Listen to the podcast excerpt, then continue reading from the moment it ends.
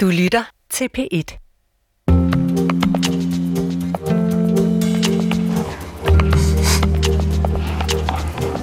Det er den 28. marts. Det over 10. Jeg sidder på, på en café i New York og forbereder mig til, at jeg skal møde Simon Critchley, som er professor i filosofi på New School for Social Research her i byen. Nogle gange siger man om New York, at der kan man finde alt. Og jeg skal interviewe ham øh, blandt andet om døden. Og selvfølgelig er også døden til stede i en by, der aldrig sover. Som en udmattelse, en råden frugt, som mistænkelige ting, der har overskrevet sidste salgsdato. Bevæbnet med en PC, en café med internet og en lille diktafon, forberedte Svend Brinkmann Rosenkær-programmerne om fem af livets holdepunkter i New York. Det har jo været et tema i, i store dele af den vestlige filosofi. Forholdet til døden er helt afgørende for at forstå, hvad et menneske er. Vi er det væsen, der ved, at vi skal dø. Og det sætter på en eller anden måde øh, scenen for rigtig meget, hvis ikke alt, øh, hvad der foregår i livet. Hvis ikke der var endelighed, hvis ikke der var en bevidsthed om, om døden, om vores dødelighed, jamen så er det svært at forestille sig, at noget som helst kunne have værdi i et liv. Hvordan kunne man være modig, hvis der ikke var en risiko i livet? Hvordan kunne noget opleves som smukt eller væsentligt eller interessant, hvis vi kunne opleve det uendelig mange gange? Der er noget ved den grænse for livet, som døden sætter, som gør, at de fænomener, der findes i livet, har mening og værdi. Det er derfor, jeg er interesseret i døden. Ikke fordi, at jeg er dødsromantiker på nogen som helst måde. Jeg synes, døden er på den måde... Jeg tror, at Sartre skrev et sted, død er en skandale. Den er skrækkelig. Både øh, tanken om vores egen død, men nok så meget tanken om, at andre mennesker dør fra os. Øhm, det er jo ikke på nogen måde øh, rart, for at sige det mildt, men det er jo et vilkår, som vi skal kunne tale om og forholde os til. Svend Brinkmann har aftalt at forholde sig til døden sammen med forfatteren Josefine Klogart. At det hele ikke er så enkelt, at der ikke er på den ene side og på den anden, men at døden, forfaldet, tabet, sorgen, alt sammen er en del af det samme liv, alt sammen rummer elementer. Josefine Klogart kredser meget om endeligheden i sit forfatterskab. For eksempel i bøgerne En af os sover og Om mørke. Den meningsløse opløsning kan være smuk, fordi den er livet i et andet stadie, fordi det hele er en del af det samme kredsløb. De andre øh, samtalepartnere, de har været øh, ældre end mig, og nogle af dem en del ældre øh, end, end mig. Øh, men jeg vil gerne tale med et yngre menneske om døden, og det skulle selvfølgelig ikke være et hvilket som helst menneske, men en, som faktisk har gjort sig tanker om døden. Og øh, Josefine Klogart, som jeg synes skriver øh, fantastisk, øh, Øh, siger selv, at hun tænker på døden hver dag. Hun øh, har fortalt, at døden er til stede, kan man sige, i, i alle hendes øh, bøger. Øh, og når, når man læser dem fra et bestemt perspektiv, så kan man næsten se døden i hver eneste sætning, fordi øh, forfald og mørke og begrænsning og endelighed er bare samtidig udtalte, men oftere uudtalte baggrundstemaer i hendes sådan øh, poetiske romaner. Måske lyder det mærkeligt, at døden kan være et vigtigt holdepunkt i livet. Og endnu mere mærkeligt, at døden har potentiale til at kunne forene hele verden. Og allermest mærkeligt, at filosofi egentlig handler om at lære at dø. Alt det kommer vi tilbage til i samtalen med Josefine Klogart. Det er svært at tale om døden. Mange har det sikkert bedst med at glemme at huske, at vi skal dø. Og måske er det også i overkanten at gå og tænke på det hele tiden. Men Svend Brinkmann besluttede alligevel at forsøge at inddrage nogle af de mange mennesker, der følger ham på de sociale medier, i det mørkeste emne af dem alle. Det jeg gjorde øh, for et par dage siden, det var at skrive ud på Facebook og øh, bede mine venner og, og følgere, og hvad det alle sammen er, om at give mig øh, spørgsmål og kommentarer om temaet døden. Jeg skrev, man kan ikke beskæftige sig med eksistentielle grundtemaer uden at komme ind på døden. Så døden skal også have en plads i Rosenkær-serien, og så er det endda lang fredag. Det var det, da jeg skrev det. Det blev det af de fem emner, der fik færrest kommentarer, men 90 mennesker havde valgt at dele deres tanker og spørgsmål om døden. En skriver, jeg tror langt størstedelen af menneskeheden i de vestlige lande lider af dødsfornægtelse, affødt af dødsangst. Man forblinder sig selv til at tro, at man kan undslippe alderdom og døden ved diverse kurer, eller ved at blive rykket og trukket i og udfyldt af Botox. Man kan ikke leve livet, hvis ikke man tør forholde sig til, at man en dag skal dø. Alle har så travlt med at være sig selv nærmest. Det handler om at leve sit liv i forpligtelse over for at gøre livet bedre for andre omkring en. Hvis det lykkes mig at leve efter det, så vil jeg dø lykkeligt, når den tid kommer. Det er jo meget smukt synes jeg. Der er både øh, i udsagnet en idé om, at, øh, at vi har en form for tabu ved døden. Det er jo efterhånden en, en udbredt antagelse, som man kan diskutere, men det ser ud til, at vi, vi har tabuiseret døden, et af de sidste tabuer. Vi kan tale om vores seksualitet, vi kan diskutere religion, vi kan øh, diskutere alle mulige ting, men lige præcis døden har vi jo svært ved. Øhm, men samtidig så er livet måske kun måske er livet kun muligt at leve på et dybere plan, hvad det så end er, hvis man på en eller anden måde forholder sig til sin endelighed. Man kan ikke ville det hele, som Pete Hein engang skrev. Og det er døden, der der sætter grænsen for det.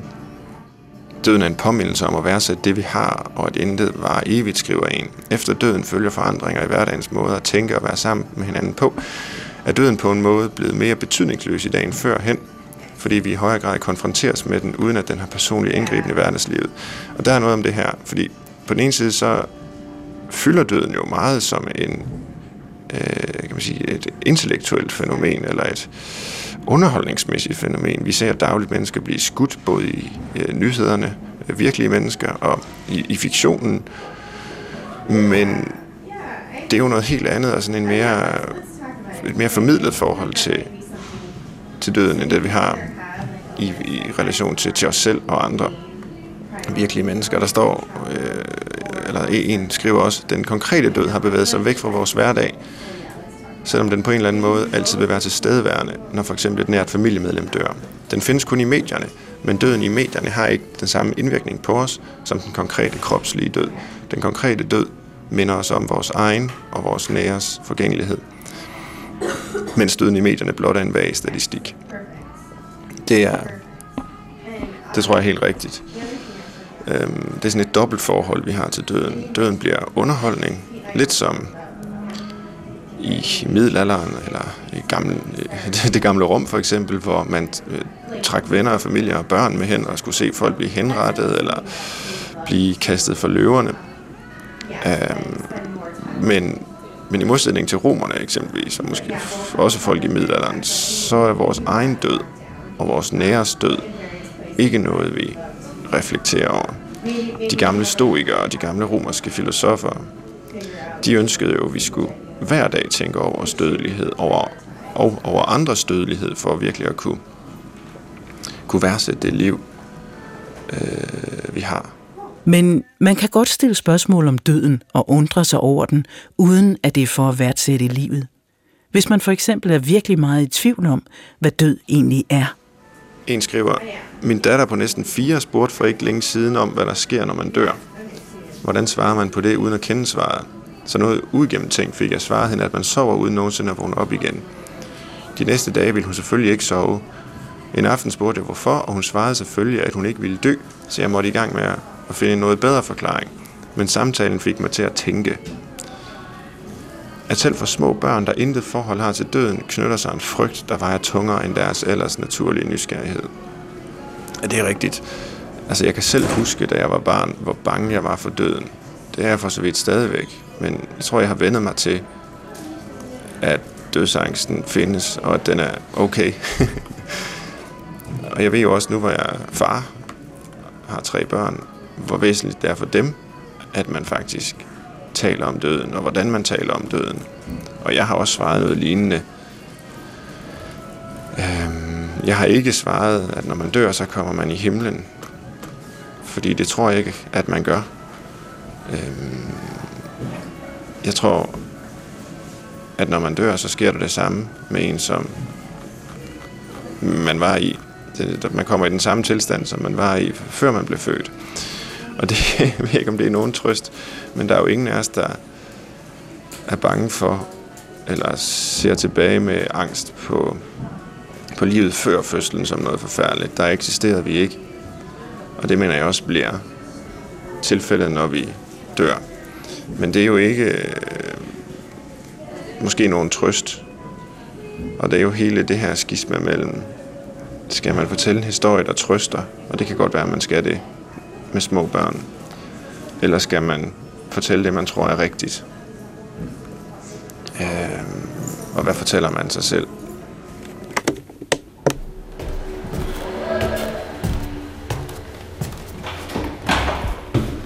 Josefine Klogart tager imod i lejligheden i København, sammen med den meget glade Molly, der som hun er lykkeligt uvidende om, at døden er en del af tilværelsen. Hej. Hej. Hej. Det er frem, Molly. Hej. Hej. Er.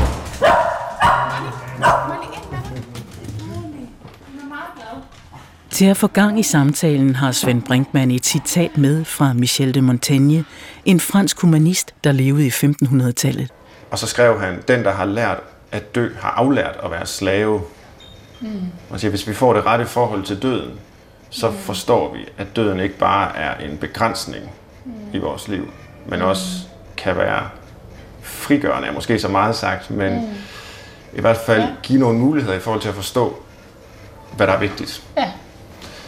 Og øhm, ja, og så har jeg jo læst meget af det, du har skrevet, mm. og ser en interesse, og det må du så bare bede eller afkræfte, ja. men, men også for døden, og for endeligheden, og for de dimensioner. Ja. Og for nu at, det er jo et kæmpestort Ja. øh, tema at skulle tale Ja. om døden lige pludselig ud af det blå. Men jeg fandt et citat fra En af os sover, Ja. som jeg lige kan læse op, og så kan mm. vi tage udgangspunkt i det måske. Ja. Hvor der står, jeg har en forkærlighed for katastrofer. Mm. Der er en trøst i det, at solen altid går ned. At der på den måde ikke er noget håb. Man ved det. Det er det, der vil ske. Vi kan ikke gøre noget for at forhindre det. Død. Ja. Og det var i hvert fald genklang hos mig, da jeg læste det. Ja. Øhm, nu ved jeg jo ikke helt, hvilken stemme, der siger det. Om det er din egen. Nej, den ligger Eller- nok ret tæt på min egen. Ja. Jeg tror, jeg hørte et interview med dig, hvor du sagde, at du tænker på døden hver dag. Ja. Og der tænkte jeg, det gør jeg også selv. Ja. Og at det var bemærkelsesværdigt, fordi der er ikke så mange, der siger det. Nej. Og specielt ikke så mange unge mennesker. Nej. Øhm, men det gør du simpelthen. Ja, og, men altså på, der er jo mange forskellige måder at nærme sig det på. Mm. Altså den tanke. Ja. Øh, men jeg tænker, at, at, det, øh, at hvis, man, hvis man er åben for det, så, så findes der jo de her øh, påmindelser om død hele tiden. Nu kan jeg i mit ene øre i hvert fald lige høre min hund, der ligger og gnaver i et kødben. altså, øh, hvis, hvis, øh, hvis bare man med en lille del af sin hjerne registrerer det, øh, så, har, så er der en vej ind til en tanke, der handler om øh, død og øh, læmers forgængelighed og Ja. øh, en, en større sådan, øh, sy- cyklisk øh, bevægelse. Øh, så på den måde, så synes jeg jo ligesom hele tiden, at der er påmindelser om død. Vi er jo omgivet af de påmindelser hele tiden. Øh, og jeg tænker altså, jeg kan godt huske, ligesom, at, jeg, at, jeg, at jeg engang har sagt det der, og jeg kan huske, at jeg, at jeg efterfølgende, når jeg er blevet konfronteret med den udtalelse, har altid tænker, at, øh, at jeg selvfølgelig gør jeg det. Mm. Altså det, det undrer mig faktisk, at det bliver trukket frem som noget, øh, som noget særligt. Altså jeg synes, mm. det, det, det mærkelige, øh, øh, det mærkelige er, at alle ikke tænker på død Ja. nærmest konstant. Men må- måske gør de, men der er bare ikke så mange, der siger, at de Ja. gør det. Ja. Ellers så gør de det faktisk ikke. Nej. Og, og det, det har jeg jo ikke undersøgt. Nej. Øh, det ved jeg simpelthen ikke. Nej. Men jeg ved, at jeg selv tænker på døden, Ja. uden det skal lyde makabert, eller Ja. sådan øh, dødsromantisk. Fordi for mig handler det i hvert fald om at undgå romantiseringen af døden. Ja. Altså at sige, der, fordi så bliver det sådan noget nihilisme, ja. Eller et eller andet... Det, jeg ved ikke, hvordan man skal forklare det, men, men hvor døden ligesom bliver et formål, eller noget godt og rigtigt. Og sådan opfatter jeg den ikke. Nej. Nej. Nej, altså det, det, det ligger snublende nær det med at tænke det, det med at beskæftige sig med død som et slags forsoningsarbejde. Ja. Altså det med, at man skal, man skal reflektere over øh, det grundvilkår, for at man kan forsone sig med det grundvilkår. Mm. Øh, og det, altså, det vil jeg da stille mig tvivl over for, om, om det er en god øh, strategi. Ja. øh, og lige så snart, at man kan at man kan lave sådan nogle regler for, hvordan man skal omgås øh, nogle eksistentielle vilkår, øh, så bliver det farligt, tænker jeg. Altså, øh, så, så, så det er som en strategi simpelthen, sådan lidt øh, mentalt hygiejnisk, og øh, at tage sin egen død op til overvejelse en, en gang i døgnet, det vil jeg bestemt ikke være fortaler for. øh, men, jeg, men jeg tænker, at det er, selve, det er selve den bevægelse, man kan sige, refleksionen omkring døden er. Altså, og omkring her som, et, et, øh, som det præcise og rigtige udtryk. Altså, det er ikke øh, det er ikke et forsøg på at forstå døden, det er et forsøg på at tænke omkring noget. Mm. Men, men hvorfor egentlig ikke ritualisere det, eller institutionalisere det, og sige, ja. fem minutter om dagen, ja. så tænker alle på døden, det har en terapeutisk værdi. Vi vender os til tanken, vi kan leve måske mindre angst. Ja. Vi kan gå i dødscaféer. Jeg har ja. set, der findes sådan et fænomen. Jeg har ikke selv prøvet det. Men hvor man mødes og taler om døden. Ligesom man kan gå til karate ja. Ja. eller billiard, så kan man også gå til dødscafé. Ja. Er der noget galt ja, i det? men jeg tænker bare, det bygger, det bygger øh, på en idé om, at man kan styre sin tanke. Ja. Øh, og det kunne jeg godt være i tvivl om, hvorvidt man kan. Altså jeg oplever i hvert fald selv, at at, øh, at, at det er meget, at, at tænkning er meget komplekst. At det, altså, at det også handler om, øh, om åbenhed. Og den, øh, en åbenhed øh, i bevidstheden, som er, øh, er næsten umulig at sådan planlægge. Mm. Øh, altså det, det lyder jo super praktisk det her, at kunne afsætte ligesom fem minutter på et bestemt tidspunkt hver dag. Men, men jeg tror, at, at tænkningen er, er mere kompleks end som så, at den er altid forankret i noget konkret, øh, og må derfor også være knyttet til, altså uløst, ligesom videt til det konkrete. Mm. Det er den tænkning, øh, jeg tror på, ja. øh, som, øh, som noget, der kan forandre mennesker, og som kan forandre samfund. Øh, og så kan man sige, second best er selvfølgelig, at man så, øh, hvis det ikke sker, hvis den tænkning ikke finder sted, øh, det, så, så, så tror jeg, jeg vil give ret i, at så kan sådan en 5 øh, minutters afsat tid i det mindste være begyndelsen til en mere organisk eller helt øh, bevidsthed, som ligesom af sig selv tør at bevæge sig ind de her steder. Ja. Øhm, sådan tænker ja, jeg. Jeg er selv lidt ambivalent. Ja, altså på den ene side kan jeg sagtens følge dig. Jeg bryder mig heller ikke så meget om at systematisere det. Nej. Øh, forholdet til døden. Men omvendt, hvis det er et problem, at døden er tabuiseret, ja. så er det måske bedre end ingenting. Præcis. Som du siger, ikke? Altså, ja. Der er jo altså de gamle stoiske filosofer systematiserede mm. jo faktisk øh, den her praksis ud fra mm. tanken om, altså memento mori, husk du skal ja. dø, men der selv om det hver dag, ja. for at kunne leve i større ydmyghed og taknemmelighed. Ja.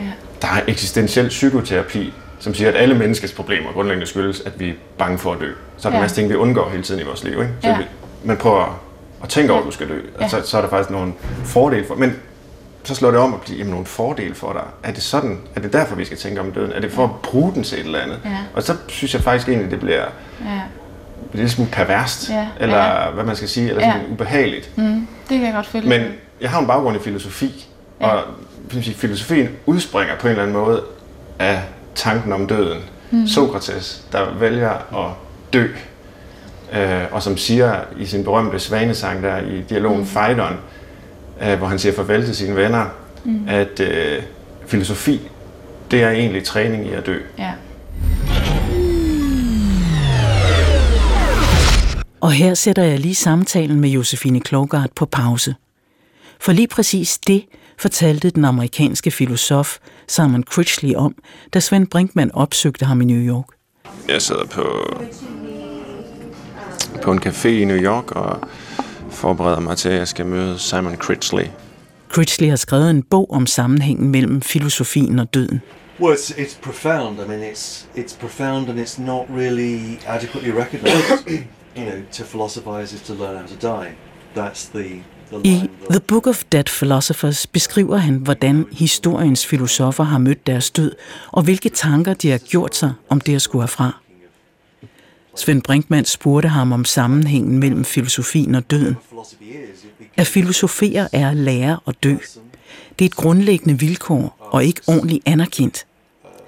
Sokrates bliver slået ihjel af byen Athen, beskyldt for at være ugudelig og for at fordave de unge, så filosofiens historie begynder med en politisk henrettelse. Sokrates kunne have undgået det. Han kunne have rejst væk, men valgte at blive og dø, ligesom Jesus. Ars Moriendi, kunsten at dø, er den grundlæggende historie om filosofien. Men det er på en måde forsvundet fra billedet. Hvis man reklamerede for et kursus i filosofi, hvor man tilbød, at man kunne lære at dø, ville det nok blive kaldt en skidt reklame for filosofien. Men det er det, det handler om. Så døden er helt central for filosofien. Um, you know, if you're advertising a philosophy program and in Denmark and you say, you know, study philosophy and learn how to die, you probably probably be considered to be a, a bad publicity move. But that's what That's what philosophy is about. Yeah. You know, whatever yeah. that means. So, for, so death is absolutely fundamental to the um, the discourse that is philosophy.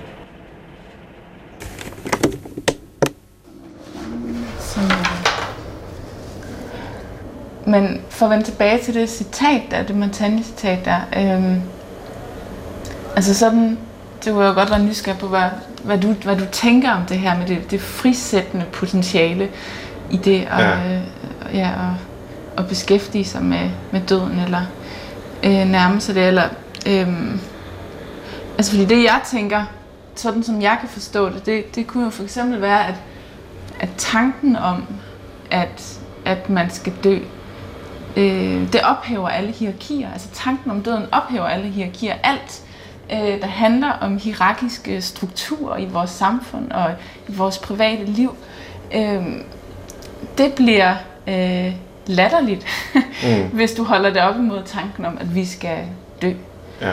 Og det har jo et, øh, et ret stort øh, frisættende potentiale, tænker jeg. Ja. Altså, det kunne være en måde at, at forstå det på. Der er mange ting, der ligesom tager sig fjollet ud, eller hvorfor bruger ja. man tid på det, eller ja. vi skal jo faktisk dø. Altså, har I ikke fattet det? Ja. og så render I rundt og laver sådan nogle tosserier. ja. altså, altså, ja. Jo, det, ja. det, det tror jeg er en side af det. Ja. Og en anden side, som er beslægtet med den, det ja. er, at netop som du siger, jamen, vi skal jo alle sammen dø. Ja. Det er demokratisk ja. fordelt. Ja. Der er ingen, der er undtaget. Vi er alle sammen lige. Ja. Ja, der er, ikke en, der er ikke en Panama-konstruktion, når det handler nej, om det. nej. Så måske kan det være grobund for menneskelig solidaritet. Ja. At man forstår, ja. at der er virkelig noget, vi er fælles om. Ja. Om man tilhører den ene eller den anden kultur, øh, om man er rig eller fattig, om man er mand eller kvinde. Altså alle de ja. der forskelle ja. findes jo, men i forhold til døden er de ligegyldige. Ja. Ja. Øhm, så hvis man skal finde et referencepunkt, ja. der virkelig kunne forene folk, så kunne det måske være det. Og måske er det så meget desto sørgeligere, at vi undgår ja. at tale om døden. Ja, ja der, ja, der er potentiale for at øh, at nærme sig sine medmennesker også, kunne man sige. Ja. Øhm, ja. Ja, jeg noterede mig, i, da jeg læste om mørke, at der står, at fortiden er på en måde det eneste, vi har. Ja. Det synes jeg er en øh, spændende sætning. Ja. Øhm, kan man sige, døden handler jo på den måde ikke om fortiden, men det er en eller anden fremtid, som venter os. Ja. Øhm, men kan du prøve at forklare, hvad der kan ligge i den sætning, der er, fortiden er på en måde det eneste, vi har? Man kan måske spørge, hvad er dødsangst? Altså, hvad er det øh, at, at føle angst i forhold til det her faktum, at vi skal dø? Altså, øh, det er en form for... Øh, altså, det er jo et, et fantasme. Altså, det er jo et... Øh, det er en form for... Øh, øh, sentimental øh, profeti. Altså det er, at vi forestiller os, øh, det gør jeg da i hvert fald selv, så jeg skal ligesom, sætte mig selv i sådan et, et sted, hvor jeg mm. kan være angst for døden, øh, eller have dødsangst, så, så er det ligesom en sentimental fremskrivning af, af et savn. Men eftersom man ikke øh, at ingen ved, ingen kan, øh, ingen kan sige, hvad, hvad døden er, hvordan den erfares af os, øh, i det vi selv dør, ja, så, så bliver det jo egentlig en, øh, en idé. Mm. Og øh, idéer, de kan jo sådan set være interessante nok at beskæftige sig med. Øhm, men de har også nogle øh, begrænsninger. Altså idéer øhm, er ikke liv. Øhm, og øhm, mm, og jeg, jeg er meget interesseret i, i, i der, hvor, hvor, øhm, hvor erfaringen er forankret i noget konkret. Det er, øh, det er dødsangsten ikke. Den er forankret i en idé, endda en, en sentimental, øh, nostalgisk idé om et tab, som nogle andre jo grundlæggende set vil lide. Og så, så vil vi selvfølgelig også selv øh, blive frataget alt det, vi omgiver Ja. os med, men det er trods alt ligesom øh, umuligt at nærme sig som en noget, øh, som, som, et, øh, som en konkret erfaring. Ja. I hvert fald... Øh, og, altså, og der er i faren ved det, altså det er det, der kan være så altopslugende ved dødsangst, det er, at der er ikke, der er ikke noget konkret til at stoppe den. Den, Mm. er, øh, den, er, den kan vokse helt vildt, fordi den, øh, fordi den ikke har, for i hvert fald for de fleste mennesker, har den ikke øh, rødder ned i øh, konkrete erfaringer. Øh, og det kunne få, tror jeg, hvis jeg lige skal svinge mig op og sige noget, hvis vi, øh, hvis vi turde beskæftige os mere med den. Ja. Så kunne den øh, dødsangst blive øh, sundere øh, og have mere med virkeligheden og livet at gøre. Den mm. virkelighed, som vi kan erfare gennem vores bevidsthed. det, det slår mig lige pludselig, at når du fortæller det, og hele, alt det, vi har talt om egentlig, det er ja. Meget den individuelle dødsangst. Ja. Altså Ja. angsten for min egen død. Ja, Ja. Og, og det er jo altså, det, det er også ja. det, jeg altid selv tænker på, når jeg forhold til Ja. død. Men i virkeligheden, det der jo ellers fylder, det er jo angsten for, at andre skal dø fra en. ja, ja, Spørgsmålet er, om der er forskel på de to ting. At det er der jo, men hvilken? Ja. Og ja, om vi ikke faktisk har erfaringer med døden mm. på en anden måde, end det vi har måske taget for givet i samtalen her, mm. nemlig fordi andre, at jo, andre. vi har erfaret andres død, Ja, og vi har sørget over Ja. andres død, Ja. og vi, ja. jeg ved, hvor svært det er. Ja. Ja, og så er der jo en eller anden antagelse i vores kultur, at, at man så øh, at man, at man så i sin egen død ikke kan erfare den smerte. Altså at man så er et sted, hvor, øh, eller en tilstand, hvor, hvor den smerte øh, bliver deres. Ikke? Mm. Altså, så øh, i det perspektiv, der bliver, ja, der bliver ens dødsangst jo så en, en slags øh, en, en, en sorg over den smerte, man kommer til at forvolde nogle mennesker, man elsker. Ja, Men det er jo på en måde også meget smukt ting. Altså det, ja. det har jo med Det, er fordi, det kan måske også blive en lille smule egoistisk, at vi bare går og være så bange for, at man selv skal dø. Altså, Ja. hallo, hvor vigtig er man lige? men altså, hvor, hvorfor er det så vigtigt, Ja. om jeg skulle dø eller ej? Ja, Det er jo ja, bare ja. lige, så, hold, så den erfaring, som min krop har, Ja, vil så ikke være der længere. Og hvad så? og hvad så? Altså, Nej.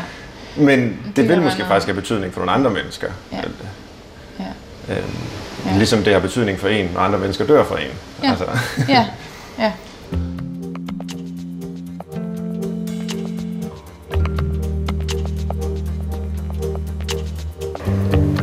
det synes jeg er et rigtig fint sted at Ja. slutte. ja. Tusind tak, fordi at du ville uh, tale med mig om døden og alt muligt andet. Vi talte jo om alle mulige fantastisk spændende ting. Om det så er fordi, at vi ikke turde tale om døden alene, det ved jeg ikke. At vi undgik den, En ligesom alle gør. Men det er fordi, det tror jeg nu ikke. det hele. Ja, Det er fordi, den er det hele. det tror jeg også er, er derfor. Ja. Så tak for det. Det været rigtig spændende. Det var en fornøjelse.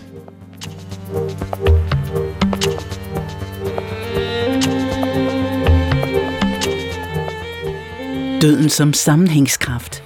Som det eneste alle mennesker i hele verden med garanti har til fælles. Men først og fremmest som det mørke, der gør livet tydeligt. Som en påmindelse om, at vi er her nu, men måske ikke om lidt. Døden som et holdepunkt i tilværelsen. Et ståsted.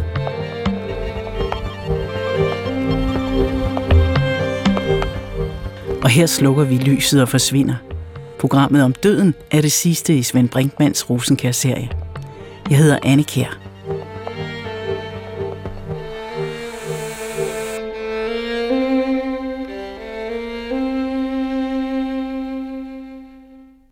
Du kan høre flere P1-podcasts i DR's radio-app.